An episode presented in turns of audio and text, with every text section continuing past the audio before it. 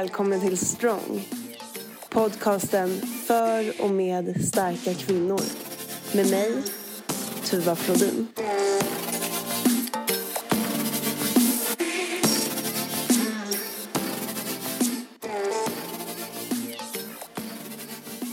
Välkommen till podden Moa Frick. Tack snälla, det är jättekul att vara här. Ja men vad roligt. Har du eh, poddat förut? Jag har varit med i någon, två poddar tidigare. Tre poddar tidigare kanske. Något sånt där. Men jag har gästat någon gång. Eh, Ja. Men in, inte jätteerfaren. Nej. Ja, men vad spännande. Roligt att du vill eh, vara med. Jag tänker, jag har ju följt dig på avstånd kan man ju säga då via Instagram och hittade dig där egentligen inför min tävlingsdebut. Mm. Eh, det stämmer ju. Mm. Tyckte att du var så himla cool. Jag var bara tvungen att följa dig. Fan vad roligt. Jag blir glad eh, av att folk tycker att just nu så känner jag typ att jag är jättetråkig på sociala medier. Eh, men jag tycker det är jätteroligt när folk hittar dit eh, och vill följa mig. Eh, ja, tycker jag Ja. verkligen. Ja, och jag vet ju, jag frågade ju dig en massa frågor inför min debut eftersom du också har tävlat flera gånger. Och det var så himla schysst att du alltid eh, gav eh, liksom långa bra svar. Det kändes alltid genuint när man frågade dig. Jag tyckte verkligen att det... Jag blev trygg av dina svar. Det tyckte jag var superfint av dig.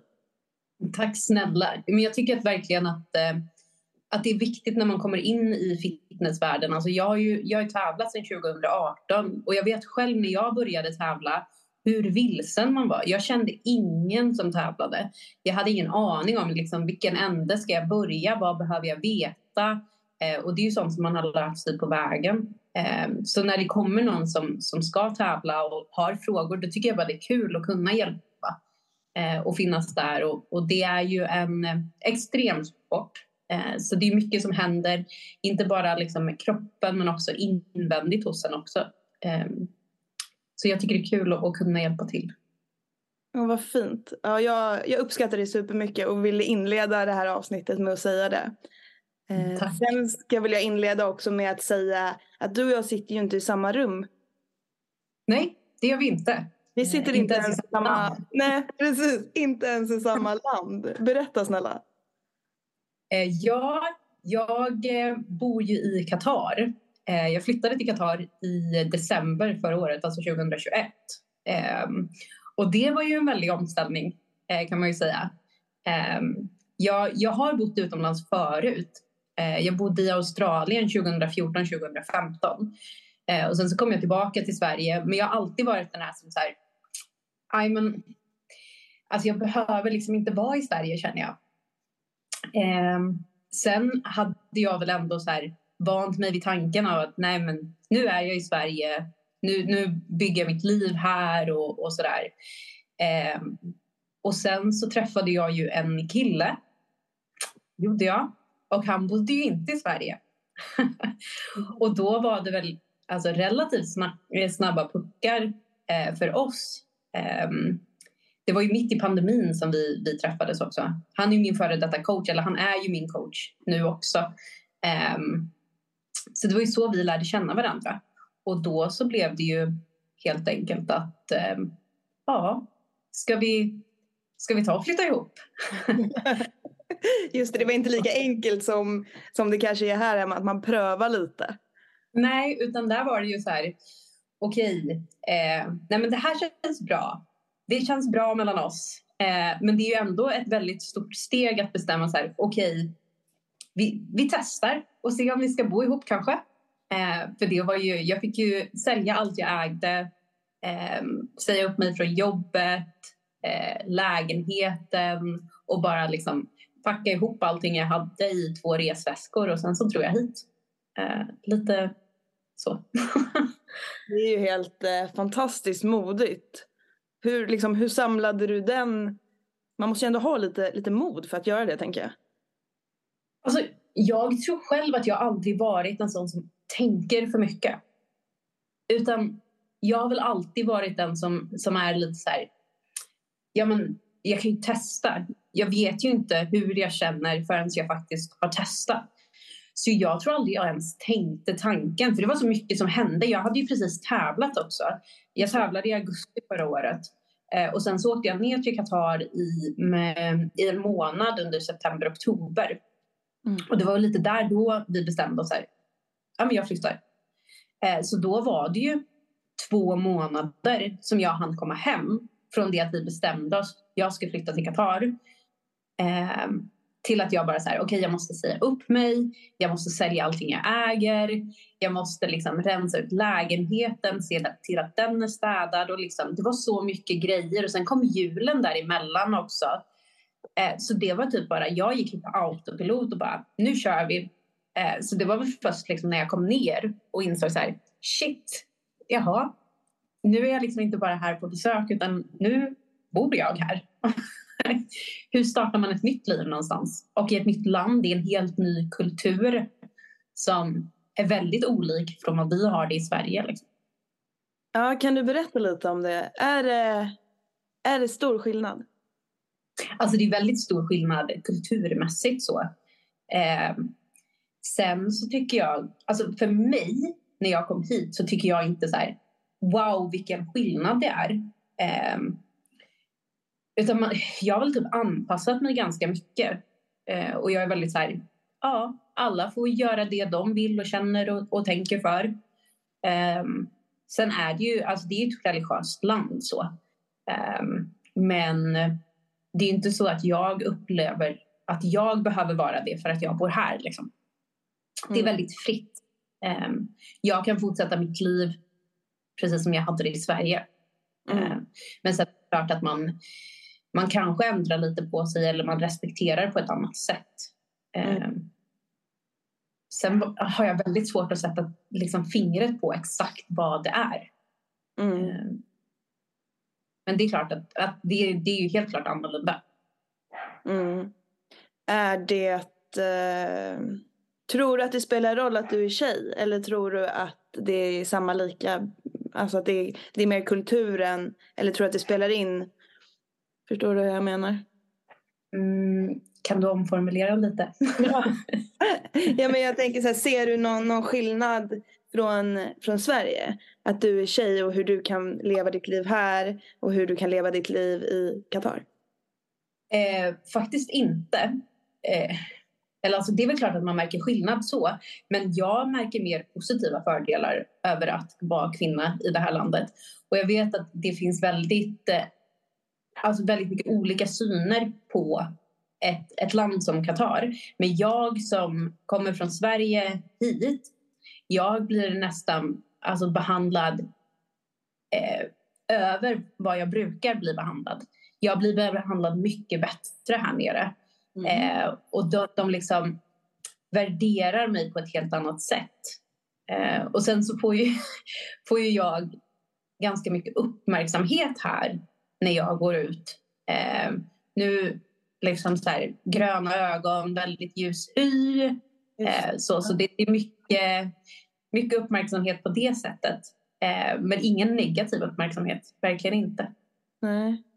Vad skönt, vad, vad bra. För jag tänker att, att det alltså dels att det är ett helt nytt land, du har flyttat dit, liksom gjort en jättestor eh, eh modig sak tycker jag. Eh, då är det ju väldigt bra att man känner att man men, blir välkomnad och, och trivs och tycker att allt fungerar, fungerar bra. Alltså det är superviktigt att ja. man känner stöd i dit man flyttar. Verkligen. Och jag känner ju verkligen så här att här, alltså Qatar är ett väldigt litet land. Eh, det är bara 200 000 qataris som bor här. Men invånarna är 2,5 miljoner. Så att det är ju liksom majoriteten är ju andra nationaliteter som har kommit hit för att jobba och speciellt nu när vi har VM som börjar, ja det börjar väl denna veckan till och med. Eh, så är det otroligt mycket olika mix av nationaliteter och det är det jag tror också som gör att landet är så öppet och välkomnande och är väldigt, ja men det är verkligen väldigt öppet, alla är väldigt trevliga och tillmötesgående. Mm. Vad härligt, det låter det låter superskönt. Um. Ja, och man är ju tacksam för det. Speciellt eh, eftersom jag själv pratar ju inte arabiska liksom. um, så alltså första språket är ju i stort sett eh, engelska. Alla kan engelska. Man klarar sig överallt på engelska. Ja, det måste ju vara skönt ändå så att du inte... Eh, för att, att göra sig förstådd, det, det tar ju en så himla mycket längre i liksom, när du ska bli eh, trygg i din ja. liksom, hemstad. Verkligen. Ja, det är så sjukt att tänka. Det är ju ja, det är min nya hemstad. Jag mm. bor ju här. När jag ja, åker till Sverige, på Sverige, i Sverige på besök. Liksom. Hur coolt är inte det? Jag är fortfarande så här, hur vågade du? Alltså, fanns det aldrig någon så här, fanns det aldrig något tvivel? Tänkte du liksom, tänkte du aldrig så här, vad sjutton håller jag på med? Nej, jag tror faktiskt aldrig jag tänkte det. Inte, inte förrän liksom, jag tror att jag hade kommit ner hit och landat och var så här, vad gör jag nu? Mm. Okej. Okay. Uh, Hur startar man ett, ett liv? Alltså jag hade ju turen att jag hade min, min kille liksom här. Mm. Uh, jag menar, det gjorde ju allting mycket lättare. Han har varit här i tio år. Han kommer inte från Qatar, mm. uh, utan han kommer från Marocko. Så han flyttade hit för tio år sedan. Så han har ju ett jättestort kontaktnät, vilket underlättade mitt liv väldigt mycket. Eh, och liksom hur allting fungerar och så här. Eh, men det hade nog varit väldigt mycket läskigare om jag inte hade haft honom. Ja, ja det tänker jag att eh, då blir det liksom nytt upphöjd en helt ny nivå. Nu fanns det ju ändå någon ja. trygghet som du kunde komma till. Ja, ja och det, det kändes ju väldigt, eh, väldigt skönt måste jag säga. Mm. Eh, men sen samtidigt, jag tror inte att vi säger att han inte hade varit här och jag ändå hade tagit beslutet att så här, nu ska jag flytta någonstans. Jag tror ändå inte att jag hade tvivlat. Mm. Jag menar det värsta som kan hända det är ju så här, okej okay, jag trivs inte, jag flyttar tillbaka till Sverige. Mm. Jag tänker att den mentaliteten är ju väldigt cool. Jag kan ju knappt, alltså ibland så kan jag inte ens lägga ut ett Instagram-inlägg Innan, alltså för att jag tvivlar så mycket. Så att, att kunna flytta till Qatar, det känner jag är det är modigt och stort och eh, jag beundrar verkligen dig som, som vågade göra det och följa din dröm. För att, att följa sin dröm är ju, det är ju superfint. Ja, fler måste våga. Alltså mer, fler människor måste våga följa sin dröm. Och jag menar, ja, men vad är det värsta som kan hända egentligen? Alltså man måste våga testa lite saker. Mm. Mm. Det, Tror du... Ja. Eh, eller visste du att det här var din dröm? Eller hur, hur, hur kommer man fram till vad ens dröm är för något? Jag vet verkligen inte. Men jag har väl alltid, alltså ända sedan jag var liten så har jag väl alltid känt så här att Alltså, jag flyttade hemifrån när jag var 16. Eh, för att plugga på en annan ort. Eh, och jag visste ju redan långt innan dess att när jag skulle börja plugga så här, jag kommer från en liten, liten eh, by som heter Blomstermåla. Eh, vi är väl tusen invånare där eller något. och där kände jag väl redan då när jag växte upp att jag vill inte bo i en sån här liten småstad, eller småstad, du kan inte ens kalla det stad liksom. Eh, utan jag vill ut, jag vill se saker, jag vill testa saker. Och hela min uppväxt så reste vi väldigt mycket runt i hela Europa. Eh, och då kände jag bara så här, nej, no någonting, jag, jag vill inte bo i en liten stad. Eh, så mitt första steg var ju efter att jag tog studenten så flyttade jag till Australien. Det är ju väldigt många som gör. Eh, också ett otroligt härligt land. Um, och då testade jag ju på det här lite. Att så här, okay, hur är det att komma till en helt, ett helt nytt land, en helt ny kultur? Mm. Um, och sen var ju tanken hela tiden när jag flög tillbaka till Sverige 2015 att jag skulle flytta till Australien permanent. Um, men sen blev det inte så. Man blir ju lätt fast liksom. Mm. och det är väl ändå lagt lite det på hyllan att så här, nej men jag, jag jag stannar nog här. Mm. Det är ju ganska bekvämt ändå att bo nära sin familj och ha ett jobb som man älskar och sådär. Och sen när jag träffade eh, honom så var det bara så här, nej men det var självklart. Det var aldrig, aldrig en tvekan om saker. Jag tror aldrig ens det var uppe på tal om att ska han flytta till Sverige? Eh, utan det var bara direkt så här, utan tvekan att det är jag som flyttar. Eh, och sen har ju vi också vägt mycket så här att okej, okay, vilket typ av liv får vi i de olika länderna? Alltså vad är för och vad är nackdelar? Eh, och när det bara var när vi var så pass nya i, i vår relation också så kände vi så här, nej men då kommer det bli mycket bättre om vi flyttar till Qatar till att mm. börja med. Mm. Sen har ju vi inte, vi har ju inte bestämt att vi ska bo här för alltid. Det är ju inte våran plan. Eh, utan några år här. Eh, skaffa en stabil grund liksom, för att ta nästa steg till mm. nästa land. Ja. Och vilket land blir det då? Alltså vi har ju haft eh, på tal liksom, om att flytta tillbaka till Sverige. Mm. Eh, verkligen. Men vi, har, alltså, vi byter, det är olika land hela tiden. Vi har varit inne lite på USA eller om vi ska ta oss någonstans i Europa. Eh, så det är liksom inte helt skrivet i sten. Eh, just nu, det senaste samtalsämnet har varit mycket Sverige. Mm. Att vi ska tillbaka till Sverige. Vi vill ju bilda familj i framtiden också och då får man ju väga sådana saker som så här, okej, okay, vad är fördelen om man vill bilda familj? Sverige är ju ett ganska bra land att ha familj i. Mm. Ja, och du har din familj här tänker jag. Att komma nära dem kan ju vara skönt. Jätteskönt. Eh, och jag tror inte att eh, mina föräldrar hade varit superglada om vi valde att bilda familj eh, på andra sidan jordklotet från dem.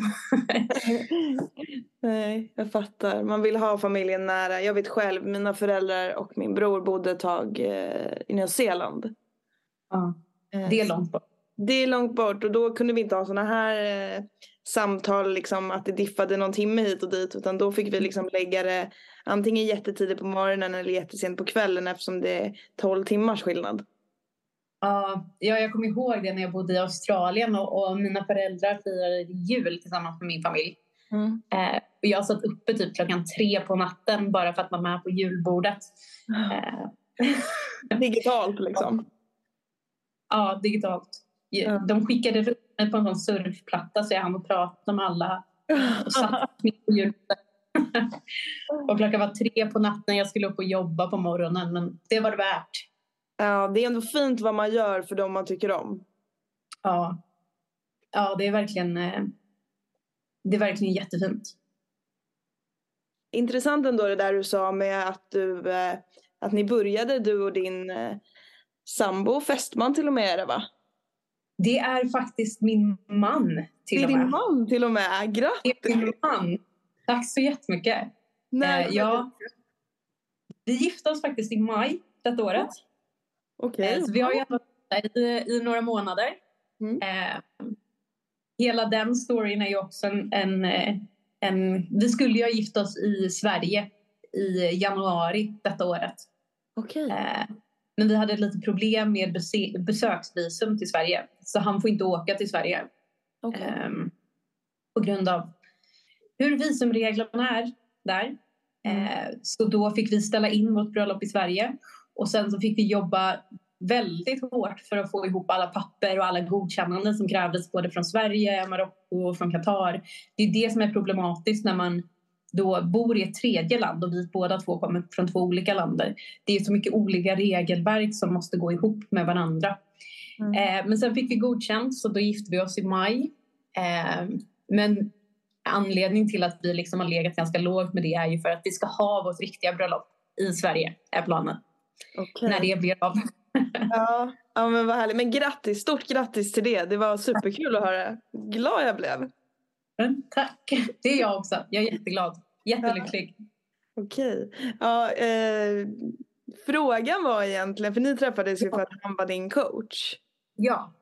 Och eh, hur var det att, eller hur är det att coachas av sin man då? Ja, det är ju men alltså, jag har ju alltid tänkt så här, nej men det går inte. Men jag tror att eftersom hela vår relation började först som coach-atlet eh, så tror jag att det blev på ett helt annat sätt. Alltså jag tror att vi har ju pratat om det till framtiden liksom när jag ska tävla igen att jag ska ha honom som coach. Men jag står ju fortfarande och väger så här, kommer jag respektera honom lika mycket nu som innan det var liksom innan vi var gifta. Mm. Eh, för då var ju vi, han var ju min coach och sen så var det ju någonstans på vägen där så upptäckte vi att så här, okej, vi känner bra mycket mer än bara coachatlet.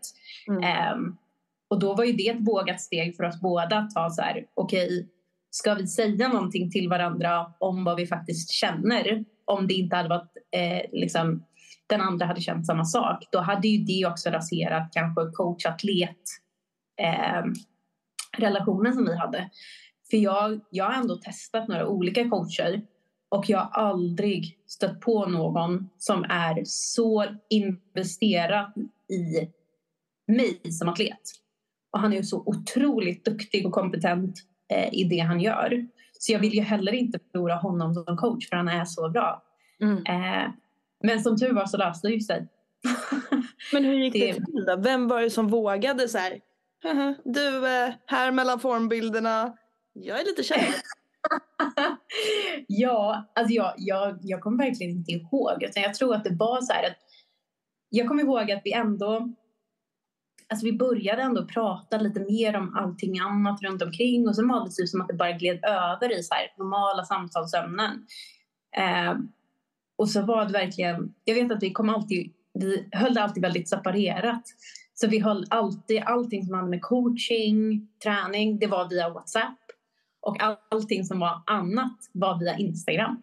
Mhm. Men det var liksom, vi slutade aldrig att prata. Nej. Alltså vi pratade nonstop. Och sen var, gick det över till att så här, okej, vi hade en videochatt någon gång i veckan där vi liksom satt och pratade. Och sen gick det över till den obligatoriska videochatten varje kväll eh, innan man skulle lägga sig. Och så, ja, ja, vi har ju spenderat så jäkla många timmar i telefon. Mm. Ja, vi räknade faktiskt på det en gång och kom fram till att vi hade spenderat 33 dygn i videosamtal. Ja, det är ju helt sjukt. Ja. Fast det är inte så sjukt om man tänker att ni bodde i varsitt land. För hade ni Nej. bott i Sverige så hade ni lätt kunnat spendera 33 dygn ihop. Alltså det hade ju inte Ja. varit konstigt att dejta så under några månader. Alltså förstår du hur jag tänker? Och sen var ju problemet var ju också att det var mitt i pandemin. Mm. Eh, och alla gränser till alla länder var ju stängda. Han kunde inte åka till Sverige, jag kunde inte åka till Qatar. Eh, det var vaccinationskrav. Ja, så det var ju också problematiskt. Men eh, ja, det återstår att se hur det ska bli om vi återgår till originalfrågan. Eh, det återstår att se hur det kommer bli när det verkligen är en relation när vi bor under samma tak att ha honom som min coach. Mm. Eh, antingen så blir det mycket bättre eller så blir det drastiskt sämre. Ja, för det är intressant för att jag har ju funderat på om jag ska ha Danne som coach, min sambo, nästa Ja. eh, tävlingsdiet. Eh, men där jag står ju också och väger fram och tillbaka. Vad, liksom, kommer jag kunna, som du säger, respektera hans eh, liksom, eh, beslut? Eller kommer jag Mm. kunna ta åt mig på ett, på ett personligt plan som jag inte bör som atlet? Mm. Eh, för att vi är tillsammans. Så det är en väldigt Ja. intressant eh, situation och jag vet ju väldigt många som, som gör så, som har klarat det och som, som är väldigt, eh, att det är väldigt lyckat. Ja, och jag tror att för, för min och vår del så, så tror jag ändå att det finns ju en grund för att det kommer bli väldigt bra i och med att vi har gjort det en gång tidigare. För någonstans på vägen så var det ju liksom en full-blown relation även om vi inte hade fysiskt träffats sen. Mm. Ehm, och jag, jag har väldigt mycket respekt för honom som tränare och som coach. Mm. Ehm, sen kan jag ju, jag vet ju själv att jag kan bli ganska tjurig på det. Eh, och jag har ju en kropp som inte är den lättaste att jobba med. Eh, och min förra diet var ju ett år. Mm. Och eh, under det året så tror jag jag hade fem fria måltider. Mm. Aj, eh, Eh, jag förstår dig. Jag hör dig. ja, Hade, Mm. hade, hade ganska liknande nästan. ja.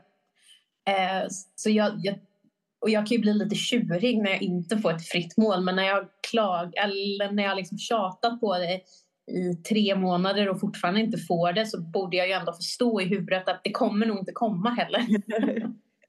Skam den som ger sig. Skam den som ger sig. Har man tur så kanske man får ett en dag. Ja. Men vad är tanken då? Är tanken att tävla igen? Ja, jag har någon tanke långt bak. Eh, att, eh, att tävla igen.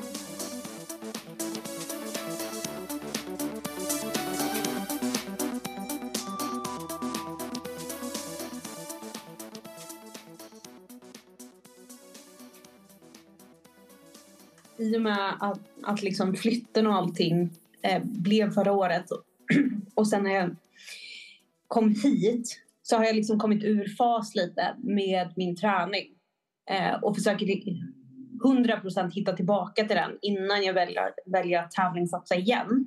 Eh, sen så har jag ju absolut planer på att jag ska tävla igen. Eh, någon, några gånger till vill jag nå upp på scenen innan jag så här, call it eh, för min del. Eh, det är ju jävligt roligt att tävla alltså.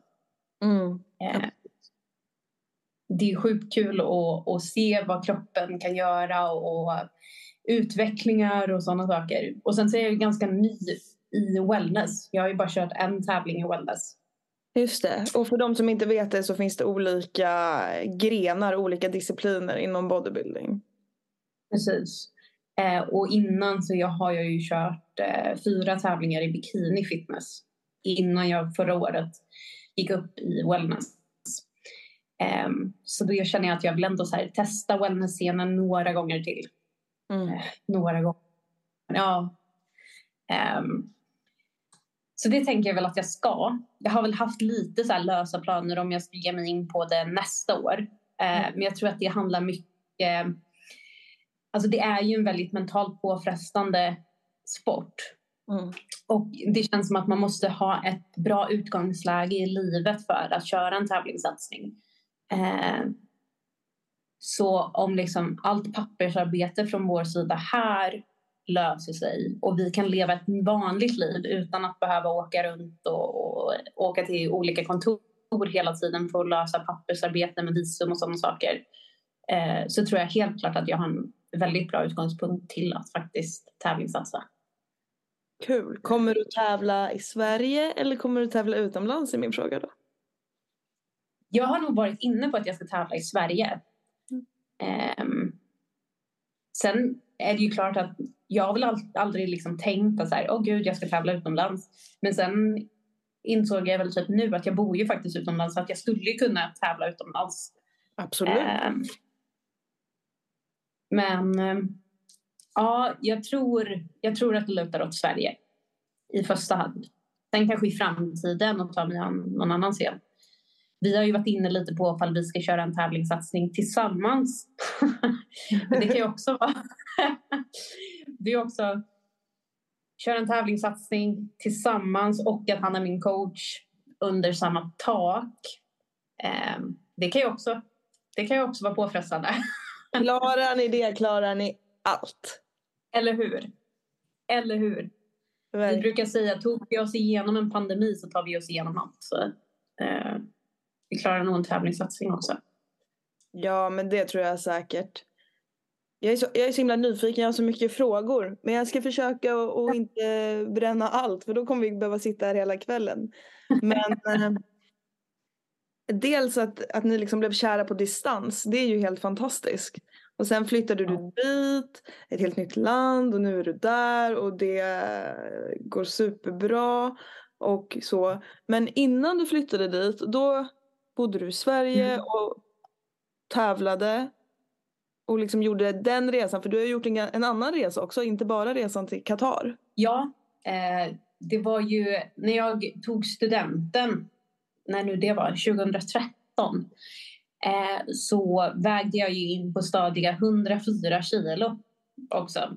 Eh, och det var ju kanske inte så hälsosamt som 19-åring. Eh, sen tog det några år Eh, om jag ska vara helt ärlig, innan jag verkligen tog tag i, i min hälsa. Så det var ju först 2015 som jag bestämde mig så här att jag vet att det var någon gång eh, precis när jag, innan jag började gå ner i vikt där jag försökte knyta mina egna skor. Och det var så jobbigt och jag klarade inte ens av det. Så jag köpte skor med kardborreband eh, för att det var så jobbigt att knyta skorna. Och där någonstans så kände jag väl att shit, jag är 19 år och jag kan knappt knyta mina egna skor. Eh, ska, ska det här verkligen vara hur jag vill leva mitt liv? Eh, och eh, uppenbarligen så kände jag att det var inte så jag ville leva livet. Um, och sen 2015, um, ehm, fitness var väldigt, väldigt stort i Australien. Inte tävlingar specifikt utan bara fitness generellt. Att liksom ta hand om sig, äta hälsosamt, gå på gym och sådana saker. Uh, så när jag kom tillbaka därifrån så var jag så här, shit, när jag flyttar tillbaka till Australien om några månader då ska jag vara så jävla vältränad. Mm. Eh, och sen så insåg jag ju efter någon månad att shit, det går inte riktigt så fort eh, att bli vältränad. Eh, men jag gav inte upp, utan jag fortsatte. Eh, och sen dess så har jag hållit på. Ehm, och, och, sen så gjorde jag ju min första tävling då 2018. Eh, så min första tävlingssatsning 2017 påbörjade jag den.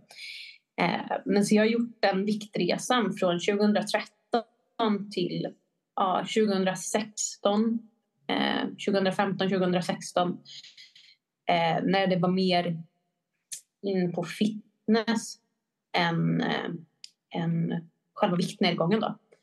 Eh, men det är ju också, också en, en resa, verkligen, att förändra. Och, och det är ju det, är det många kanske missar när det kommer till att de vill göra en vikt, eh, viktminskning eller en viktförändring att de inte ser det som ett långsiktigt mål utan de ser det som någonting som jag ska göra temporärt och sen så ska jag återgå till det gamla livet jag levde.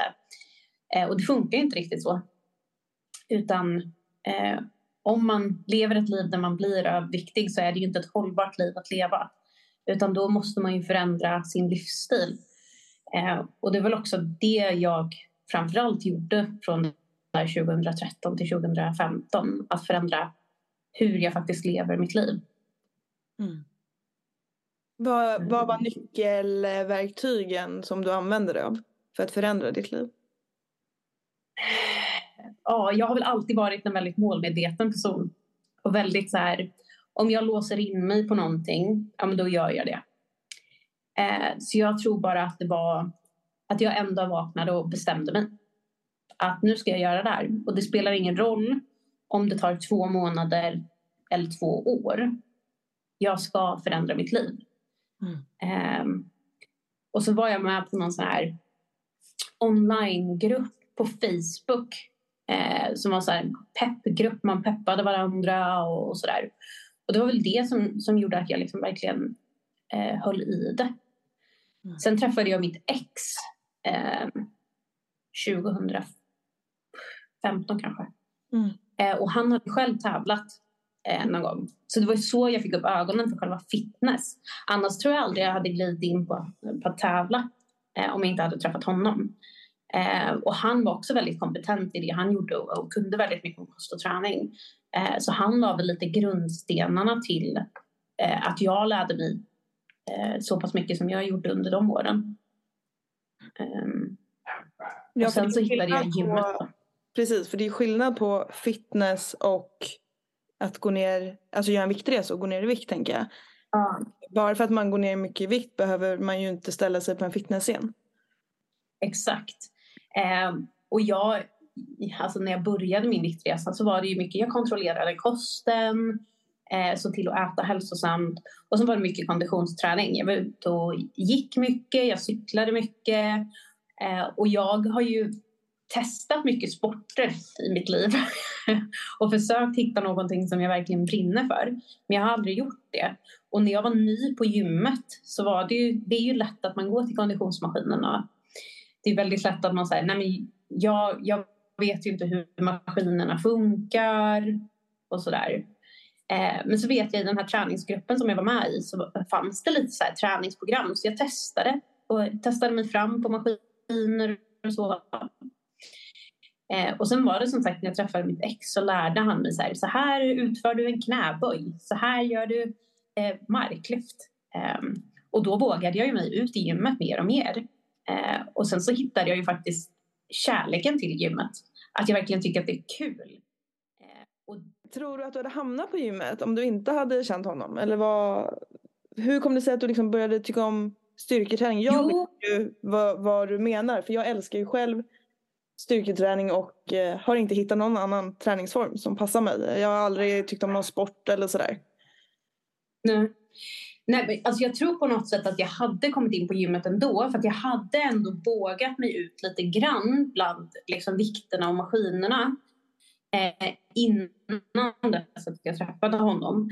Men sen visste man ju kanske inte riktigt vad man gjorde på det sättet eh, som, eh, som jag fick kunskapen till efter det.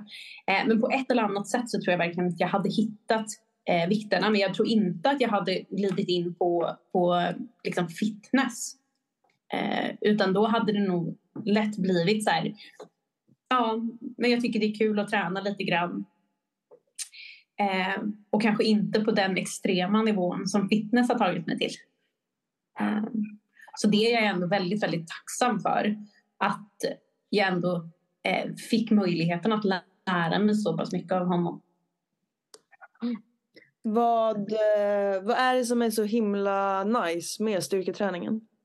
Eh, jag, jag höll på att säga, jag tror det är tempot. Eh, nej men alltså, jag tycker det är jäkligt nice att lyfta tungt eh, och kunna kontrollera din egen träning. Eh, och det är det som är så väldigt olikt från om man går på till exempel alltså sporter eller gruppträning. Då är det någon annan som styr dig. Eh, och här kan jag liksom anpassa mig själv på ett annat sätt över hur jag mår och hur jag känner att, att jag kan, alltså hur mycket jag kan lägga på träningen idag eh, och över min dagsform. Behöver jag ha en minuts mer paus mellan ett set, ja men då tar jag det.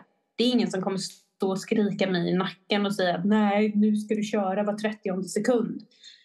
Um, så, så jag tror det är en av sakerna jag gillar med, med styrketräning. Och så gillar jag liksom känslan av att så här, se kroppen förändras, möjligheten att kunna bygga muskler um, och träna hårt. Jag tycker det är skitnice. Uh, och det är kul att vara stark. det är väldigt kul att vara stark. Jag eh, kan bara hålla med. Jag tycker att det är en fantastisk känsla att få vara stark. Att äga sin egen kropp. Ja. Ja. Och veta liksom att jag, ja, jag kan lyfta det jag vill lyfta. Liksom. Jag ja, det... klarar mig själv. Lite, man känner sig självständig på något sätt. Ja. Eh, och det är jäkligt roligt att bygga muskler. Alltså. Mm. speciellt liksom personligen kollar jag tillbaka på vart jag har varit någonstans. Eh, och liksom kollar, och inte bara att jag har vägt 104 kilo utan kollar tillbaka. Jag har ju så mycket, jag har ju så många off-seasons, on-season bakom mig. Så jag har ju så mycket olika kroppsformer på mig själv att jämföra mig med. Så här, hur såg jag ut förra gången jag vägde 70 kilo? Hur ser jag ut denna gången? Hur ser jag ut när jag är dietad? Hur ser jag ut när jag väger 80 kilo? Alltså sådana grejer. Jag tycker det är skitkul. Mm. Och för de som inte vet det så on-season och off-season det handlar ju om att man är antingen på on-season då ska man tävla. Ofta så gör man då diet att man går ner eh, i kroppsfett. Bevarar muskelmassa och på off-season så bygger man muskler. Ungefär i korta drag ja. kan man säga. Mm. Ja, det är så man, så man kör. Ja. Eh. Precis. Och det är kul. Det är jättekul. Jag håller med. Och eh, ja, det, det finns, jag har massa frågor känner jag hela tiden. Men jag ska eh, avsluta med våra tre frågor som jag alltid eh, eh kommer ställa mina gäster. Eh, så får vi se om jag kommer på eh, hundra till frågor till dig så kanske jag bjuder in dig till ett till avsnitt. Du får köra en uppföljning. Precis. Men i alla fall, den första frågan då. Det är Har du någon eh, förebild, någon kvinna som inspirerar dig och i så fall varför? Oj, det finns ju väldigt många starka kvinnor.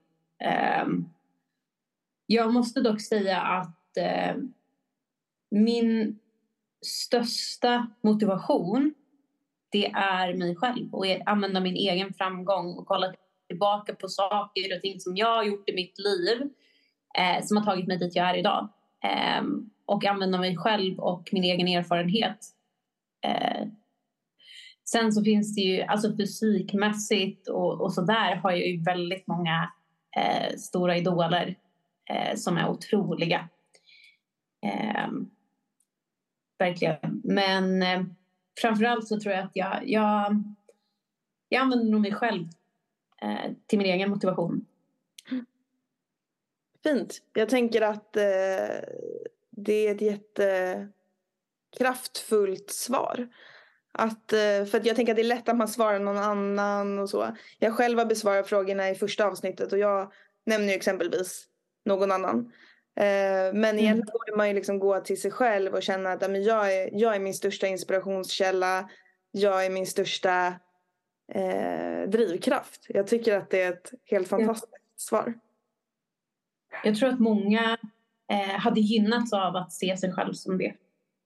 Mm. Eh, att vill du ta dig någonstans i ditt liv så är det du som ska ta dig dit. Det är ingen annan som kommer göra det åt dig. Eh, och ja, ett tips. Använd sig själv.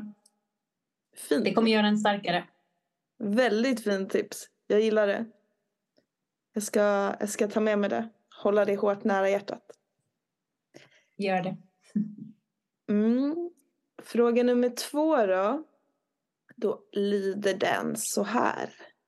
Om du visste att du skulle lyckas, vilken dröm hade du gjort då? Oj, vilken svår fråga. Mm. Det var supersvår. Eh, det kan ju vara på alla plan. Liksom. Det är en väldigt bred fråga.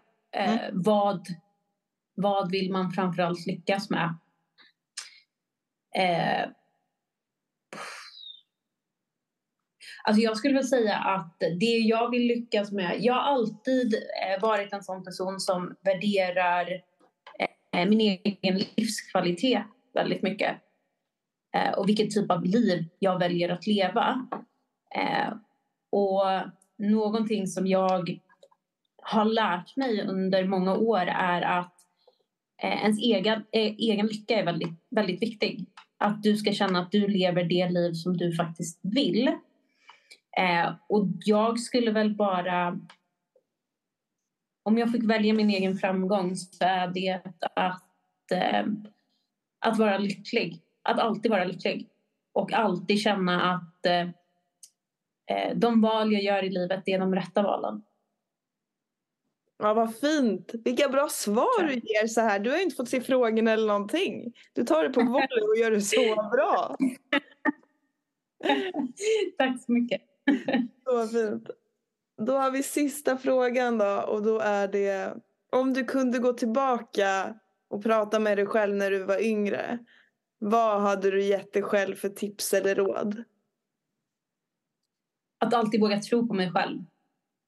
Um, om jag hade trott på mig själv eh, tidigare så hade jag varit mycket längre i mitt liv än vad jag är idag. Eh, sen måste jag ändå lägga till att Också en sån sak som jag har lärt mig med åren och som jag intalat mig själv är att jag aldrig ångrar någonting. Allting händer av en anledning och jag tar alla beslut av en anledning att jag där i den stunden känner att det är rätt. Eh, och då finns det aldrig någon anledning till att ångra någonting.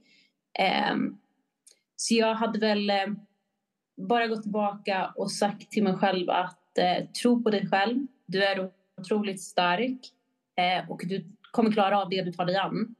Eh, men aldrig ångra något. Så bra svar. Jag tycker att det avrundar dagens avsnitt fantastiskt bra. Tack snälla. Och jag är så glad att jag fick vara med. Vad härligt. Då, då tackar jag så jättemycket. Så, ja, så ska jag bara gå och mysa runt i den här känslan som jag fick nu av dina härliga svar i slutet. Ja, det var jättekul att vara med verkligen. Mm.